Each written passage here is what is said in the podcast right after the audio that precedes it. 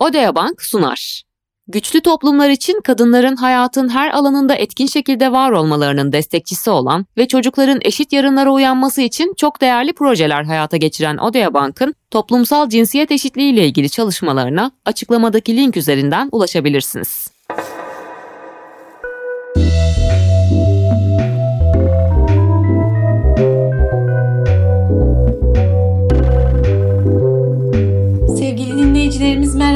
Yeni bölümümüze hoş geldiniz. Bugün sizinle yeni bir metaforu konuşacağız. Kurumsal yaşamda kadınların karşısına çıkan yeni bir engel. İsmi annelik duvarı.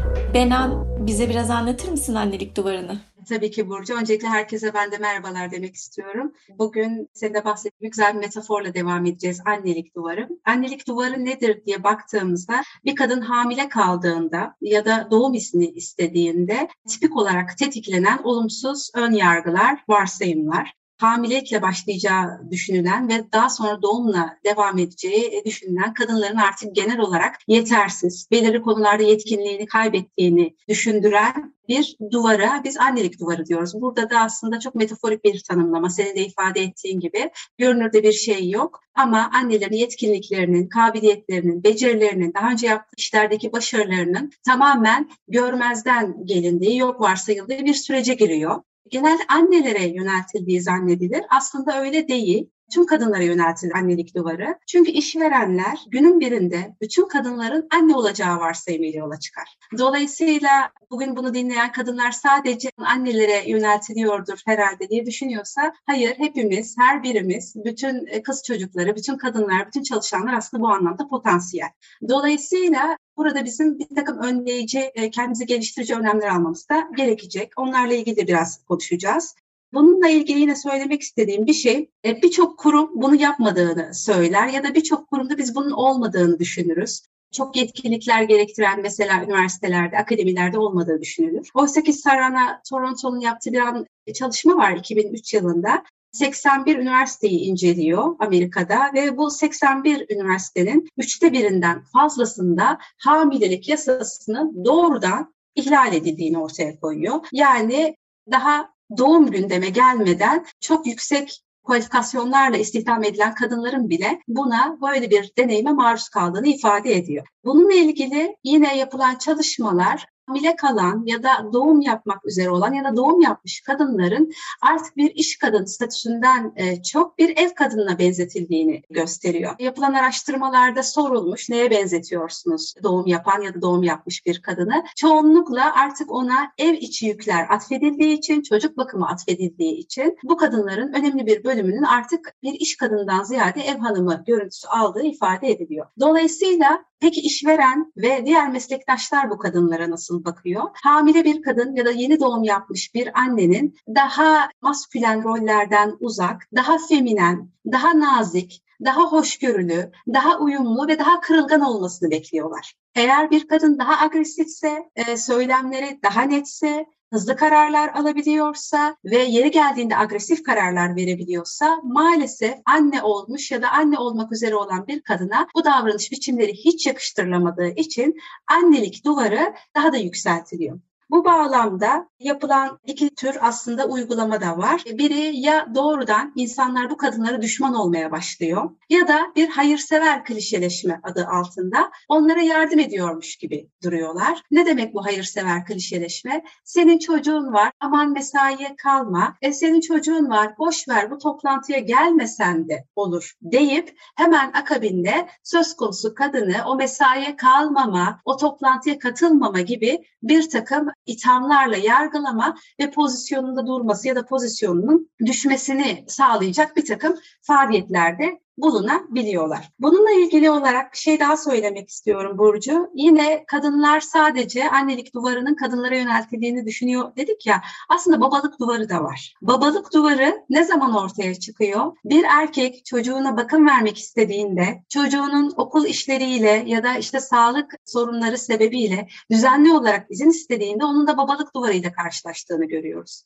Bu konuda yapılan araştırma çok az. Sebebi de erkekler genellikle bu tipleri üstlenmiyorlar. İş hayatına bunu yansıtmıyorlar. Çoğunlukla zaten bu görevleri kadınlar aldığı için hasta bir çocuk varsa, küçük bir çocuk varsa ya da işte bu çocuğun bir takım sorunları varsa, sağlık sorunları varsa bu tip yükümlülükler doğrudan annenin üzerinde kaldığı için baba aslında babalık duvarıyla karşılaşmıyor. Yoksa esasında onu da engelleyen bir yapı olduğunu ben ayrıca söylemek istiyorum. Bir diğer konu da aslında annelik duvarında e, herkes bunun sadece biz doğum izni nasıl tanımlıyoruz aslında?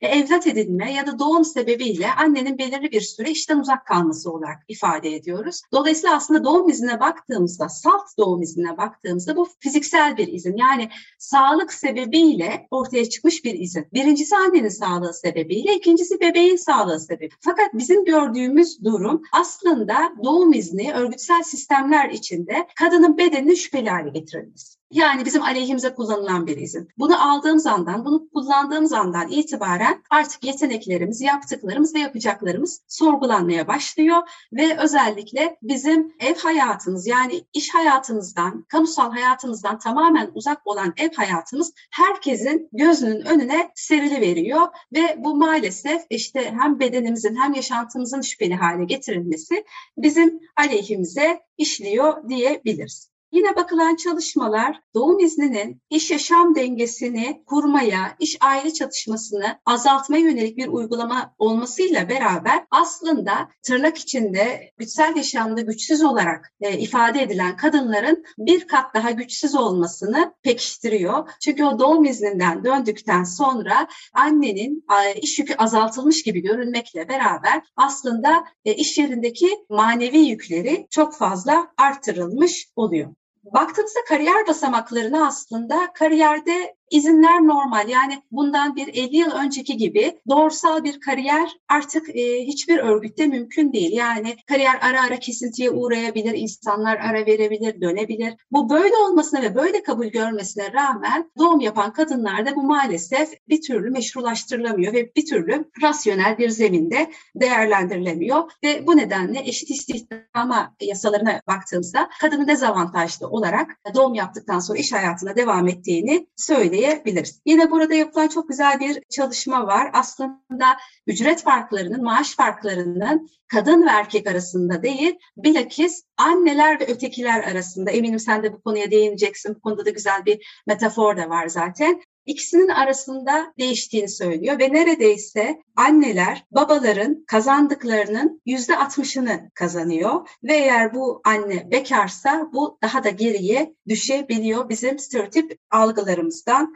dolayı maalesef. Yine mesela Amerika'da yapılmış bir çalışmadan bahsetmek istiyorum. 2001 yılında Amerika'da yarı zamanlı çalışanların yüzde 65'i kadın ve bu istihdam edilenlerin yüzde 65'in içindeki yüzde 27 de yarı zamanlı çalışıyor. Sebebine baktığımızda bu kadınların aslında anne olduktan sonra bu tip kararlar aldığını görüyoruz. Yine bu konuda yapılan çalışmalar bize diyor ki aslında bu kadınların tercihi. Yani biz bunu talep etmiyoruz diyor işverenler. Kadınlar doğum yaptıktan sonra daha az çalışma, daha az sorumluluk alma, daha az kazanma gibi eğilimler ortaya koyuyorlar. Ama burada mesela çok güzel bir ifade var. Williams 2002 yılında bir çalışmasında söylediği bir ifade. Bir kölenin efendisinin yanından ayrılmak yerine orada çalışmayı tercih etmesi onun köleliği anlamına gelmez. Başka bir alternatifi olmadığı için bunu kabul etmiştir diyor. Yine metaforik olarak aslında kadınları köleye benzetiyor. Kadınlar başka bir alternatif olmadığı için bunu kabul ediyorlar. Yoksa aslında bu düzeni sevdikleri ya da bu düzenden memnun oldukları için değil. Yine ben feminist görüşün yaptığı bir çalışmaya da değinip ondan sonra da sözü sana bırakmak istiyorum. Feminist görüş annelik duvarını nasıl değerlendiriyor diye soracak olursanız aslında şöyle değerlendiriyorlar. Annelik duvarı kadının normal günlük yaşamının yanı sıra bir cinsel yaşamının olduğunun ispatı olması sebebiyle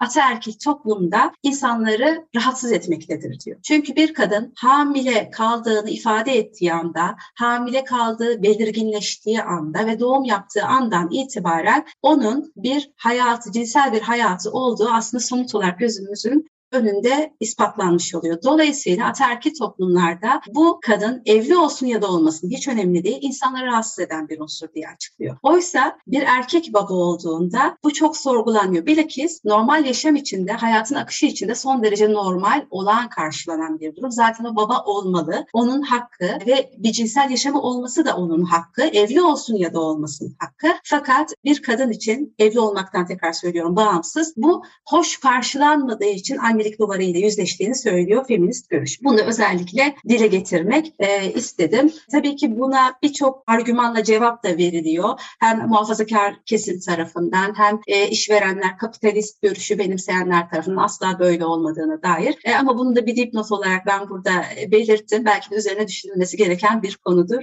diye. Sen neler söylemek istersin annelik duvarı ile ilgili Burcu?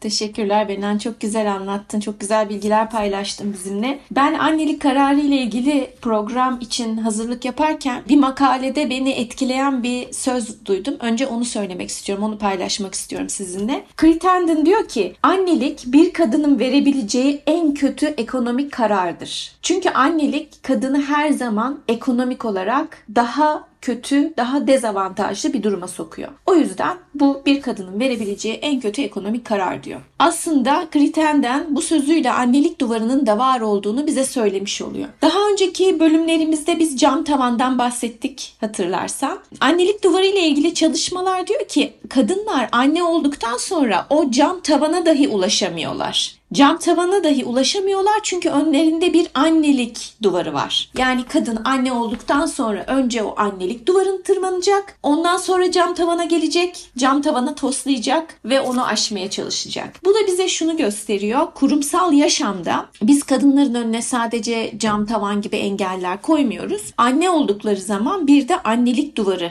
dikiyoruz. Bu annelik duvarı kadının her anlamda anne olduktan sonra geride bırakılmasını, cezalandırılmasını, dezavantajlı duruma sokulmasını oluşturuyor diyebiliriz. Sen de söyledin çalışan anne, çalışan babanın sadece %60'ını kazanıyor. Ama bekar bir kadın çalışan babaya daha yakın oranda bir para kazanıyor. İşte bu da aslında annelik cezası olarak e, söylenebilir. Yine sen de bahsettin anneler ve diğerleri diye bir şey var. Bir kadın anne olduktan sonra kurumda anne o bir anne ama diğer kadınlar diğerleri. Yani burada şunu anlatmak istiyorum. Anne olduktan sonra kadının iş yerinde karşılaştığı ön yargılar, kalıp yargılar sadece erkeklerden gelmiyor. Çocuksuz kadınlardan da geliyor. Dolayısıyla çalışan anne kendini sürekli öyle bir durumda görüyor ki hani çocuk sahibi olması sürekli onun aleyhine delil olarak kullanılabilir. Bizim bu konuda bir çalışmamız var Benan'la. Oradan bir katılımcımızın ben paylaşımını burada sizlere söylemek istiyorum. Çocuğum hasta olduğu zaman işe geciktiğimde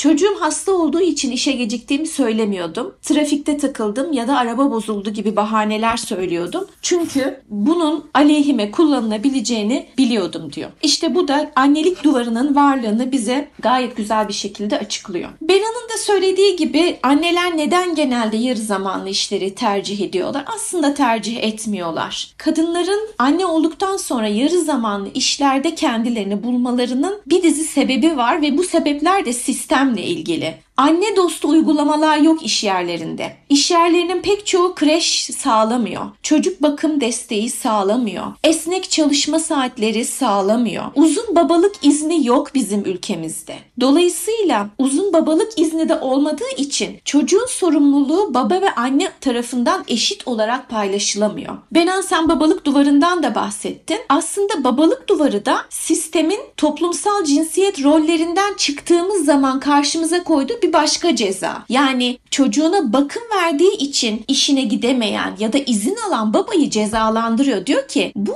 annenin işi. Sen bunu yaparsan bu sistem seni cezalandırır. Sen çocuğunu doktora götürmek için izin alırsan, çocuğunun gösterisi için izin alırsan, çocuğun hastalandığında evde kalmak için izin alırsan, yani bu bizim sistemin belirlediği toplumsal cinsiyet rollerinin dışına çıkarsan ben seni de cezalandırırım. Burada anne de baba da cezalandırılmış oluyor. Dolayısıyla kadınların yarı zamanlı işlerden kurtulmaları için bizim destek mekanizmaları anne dostu politikalar, anne dostu iş yerleri oluşturmamız lazım. Ha yarı zamanlı çalışma neden kötü? Kötü mü? kadını bir kere kariyer ilerlemesinde geri bırakıyor. Ayrıca hak ettiğinden daha az gelir elde etmesini sağlıyor. Dolayısıyla aslında iyi değil. Ee, burada bir de ideal çalışan tanımından bahsetmek istiyorum.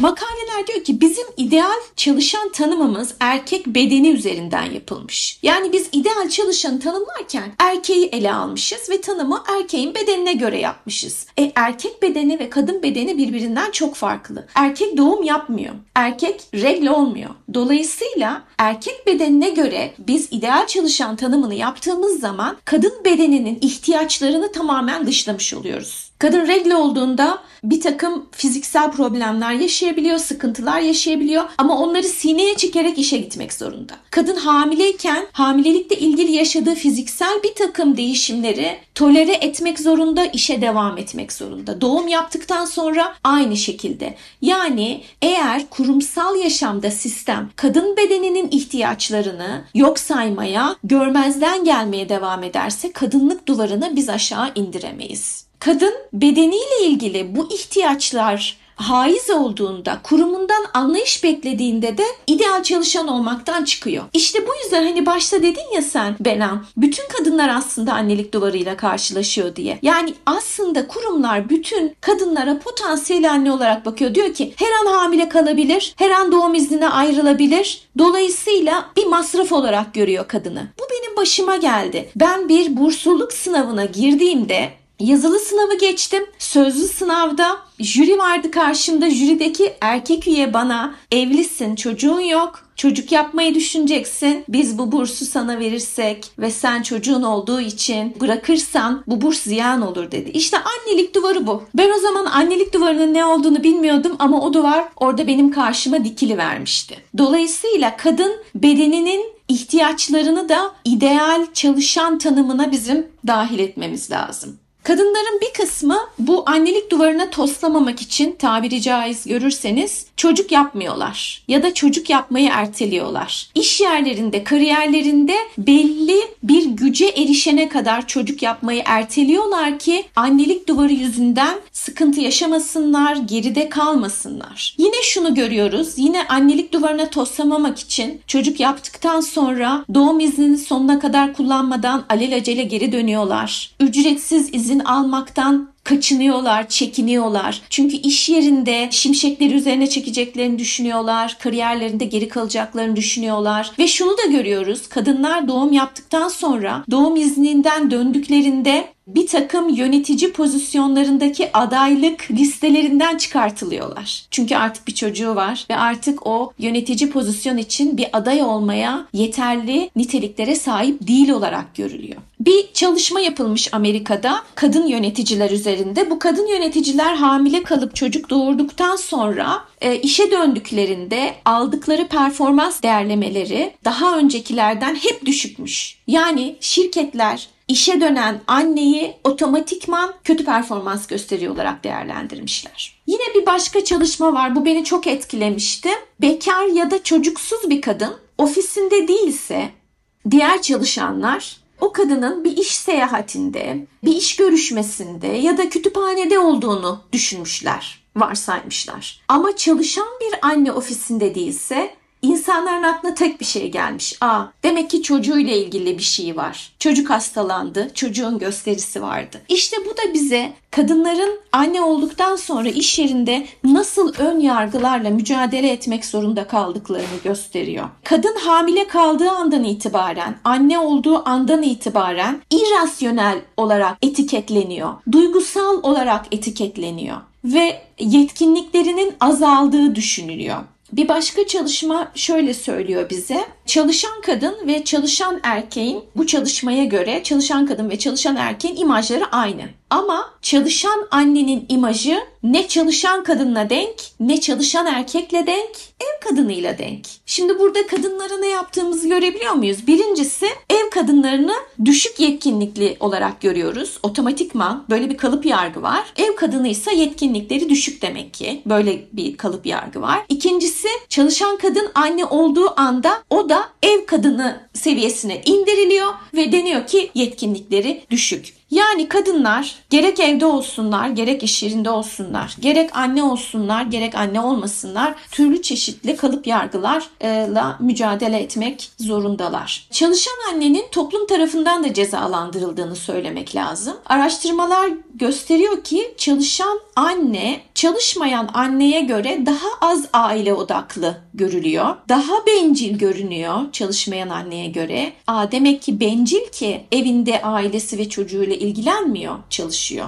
Başkalarının ihtiyaçlarına karşı daha az duyarlı görülüyor. Yani gördüğünüz gibi çalışan anneyi toplumda cezalandırıyor. Bir de ben son olarak şuna dikkat çekmek istiyorum. Annelik duvarı kadının karşısına görünür görünmez çok engeller çıkarıyor. Bu engellerden bir tanesi de şu. Kadın anne olduktan sonra kariyerinde ilerleme hızı müthiş yavaşlıyor. Müthiş yavaşlıyor çünkü çocuğun bakımı toplumsal olarak anneye ait görülüyor. Çocuk kadınındır gibi bir inanış var. Dolayısıyla kadının aslında biz buna double shift diyoruz biliyorsun Benancım. İki mesaisi var. İş yerinde işiyle ilgili çalışıyor. Eve gittikten sonra çocuğun ihtiyaçları, çocuğun istekleri, yedirilmesi, bakım verilmesi, yıkanması, uyutulması vesaire ve e, bu double shift, bu çifte mesai kadının kariyerinde ilerlemesini engelliyor. Erkek eve geldiği zaman oturup çalışabiliyor kendini geliştirecek okumalar yapabiliyor, kurslara katılabiliyor ya da bir takım sosyal ortamlara girip iş bağlantıları kurabiliyor. Ama kadın bunu yapamıyor. Çünkü evde çocuk var, çünkü evde ikinci mesai var. Evet, gördüğünüz gibi annelik duvarı gerçekten kadını daha önce de söylediğimiz gibi çok çeşitli şekillerde olumsuz etkiliyor. Umarız ilerleyen yıllarda annelik duvarını aşağıya indirme şansımız olur. Aklıma şimdi Berlin duvarının yıkılışı geldi. Bu görünmeyen annelik duvarını bir gün baltalarla aşağıya indirdiğimiz hayali bile bana güzel geldi Benancığım. Senin eklemek istediğin herhangi bir şey var mı annelik duvarı ile ilgili? Ağzına sağlık Burcu'cum çok güzel anlattın. Benim de aklıma sen konuşurken şey geldi. Kadın pilotlarla bir çalışma yapmıştım ve önemli bir bölümünün yardımcı pilot, erkeklerin de önemli bir bölümünün kaptan pilot olduğunu görmüştüm. Sordum niye? Doğum yaptığımız için dedi bir tanesi. Ne demek o dedim. Şimdi hamile kaldıkları andan itibaren yer hizmetlerine alınıyor pilot kadınlar ve tam 9 ay yer hizmetlerinde çalışıyorlar. Doğum yaptıktan sonra da izin ve akabinde devam eden süt izni bir yıl boyunca yine yer hizmetlerinde devam ediyorlar. Dolayısıyla kaptan pilotluğun gerektirdiği sınav için 10 bin mil uçma şartını yerine getiremiyorlar bu 10 bin mil uçamadıkları için doğrudan artık onlar kaptan pilotluk sınavlarında gerilemiş oluyorlar. İşin kötüsü bu mili tamamladıktan sonra da kaptan pilotluk sınavlarına girdiklerinde simülasyonlarda simülasyon üzerinden giriyorlar. Bir erkek bir kere de girdiğinde ve başarılı olduğunda tamam diyor geçiyor ama kadınlar neredeyse aynı sınava 3 ya da 4 kez tabi tutuluyor. Bir kere daha bir kere daha. Ve bir şekilde birinde hata yapıyorlar. Üçte kere, dört kere girdikleri için geriliyorlar ve sonrasında da sen sınavı geçemedin ama hani biz burada ne yapabiliriz ki ifadesiyle yardımcı pilot kategorisinde tutulmaya devam ediyorlar. E, sebebi de yine biliyorsun pilotluğun bir askeri meslek olması, askeriyeden doğan bir meslek olması, iki gevgemen bir meslek olması ve jüri üyelerinin neredeyse tamamının ve eğitmenlerin tamamının erkeklerden oluşması muhteşem bir annelik duvarı örneğiydi. Ben çok etkilenmiştim. O yüzden bir çocuk çocuk gördüm çoğunda ve hiç çocuk gördüm. Çünkü belirli bir sürede iyi para kazanmak istiyorlar. Ve neredeyse kaptan pilotluğa kadar önemli bir bölümünün çocuk yapmama kararı aldığını görüyorum. O 10 bin mili tutturabilmek için, uçabilmek için ve bunu büyük bir haksızlık olduğunu düşünüyorum. Çünkü insanın belki de senin söylediğin gibi evet en dezavantajlı ekonomik karar anne olmak ama öte taraftan bir kadının da belki de verebileceği en güzel duygusal karar. Dolayısıyla böyle bir seçim noktasında böyle bir yol ayrımında bırakılması beni üzüyor. Çünkü bunlar hiçbir hiçbiri aslında birini seçersen ötekinden vazgeçmelisin gibi bir tercih konusu olmamalı. Evet. Bir kadın ikisini de isteyebilir denmeli ama maalesef normlarımız, kalıp yargılarımız bize bunu bir seçenek gibi sunuyor. Ya anne olacaksın ya da kariyer yapacaksın şeklinde. Evet. Dolayısıyla bunu da böyle bir not olarak aktarmak istedim sizlere. Ağzına sağlık. Sağ ol Sen de çok güzel anlattın.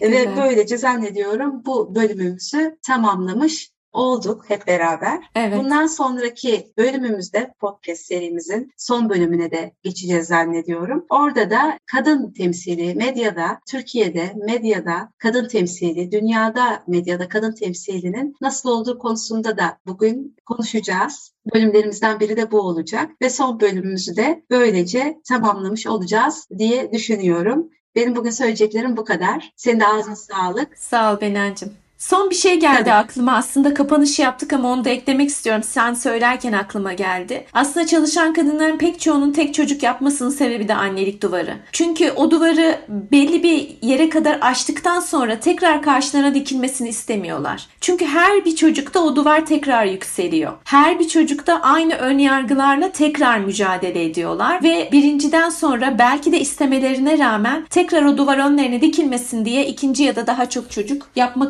kararından uzaklaşıyorlar. Evet, teşekkür ederim Benancım. Güzel bir bölüm oldu. Gelecek bölümde görüşmek üzere.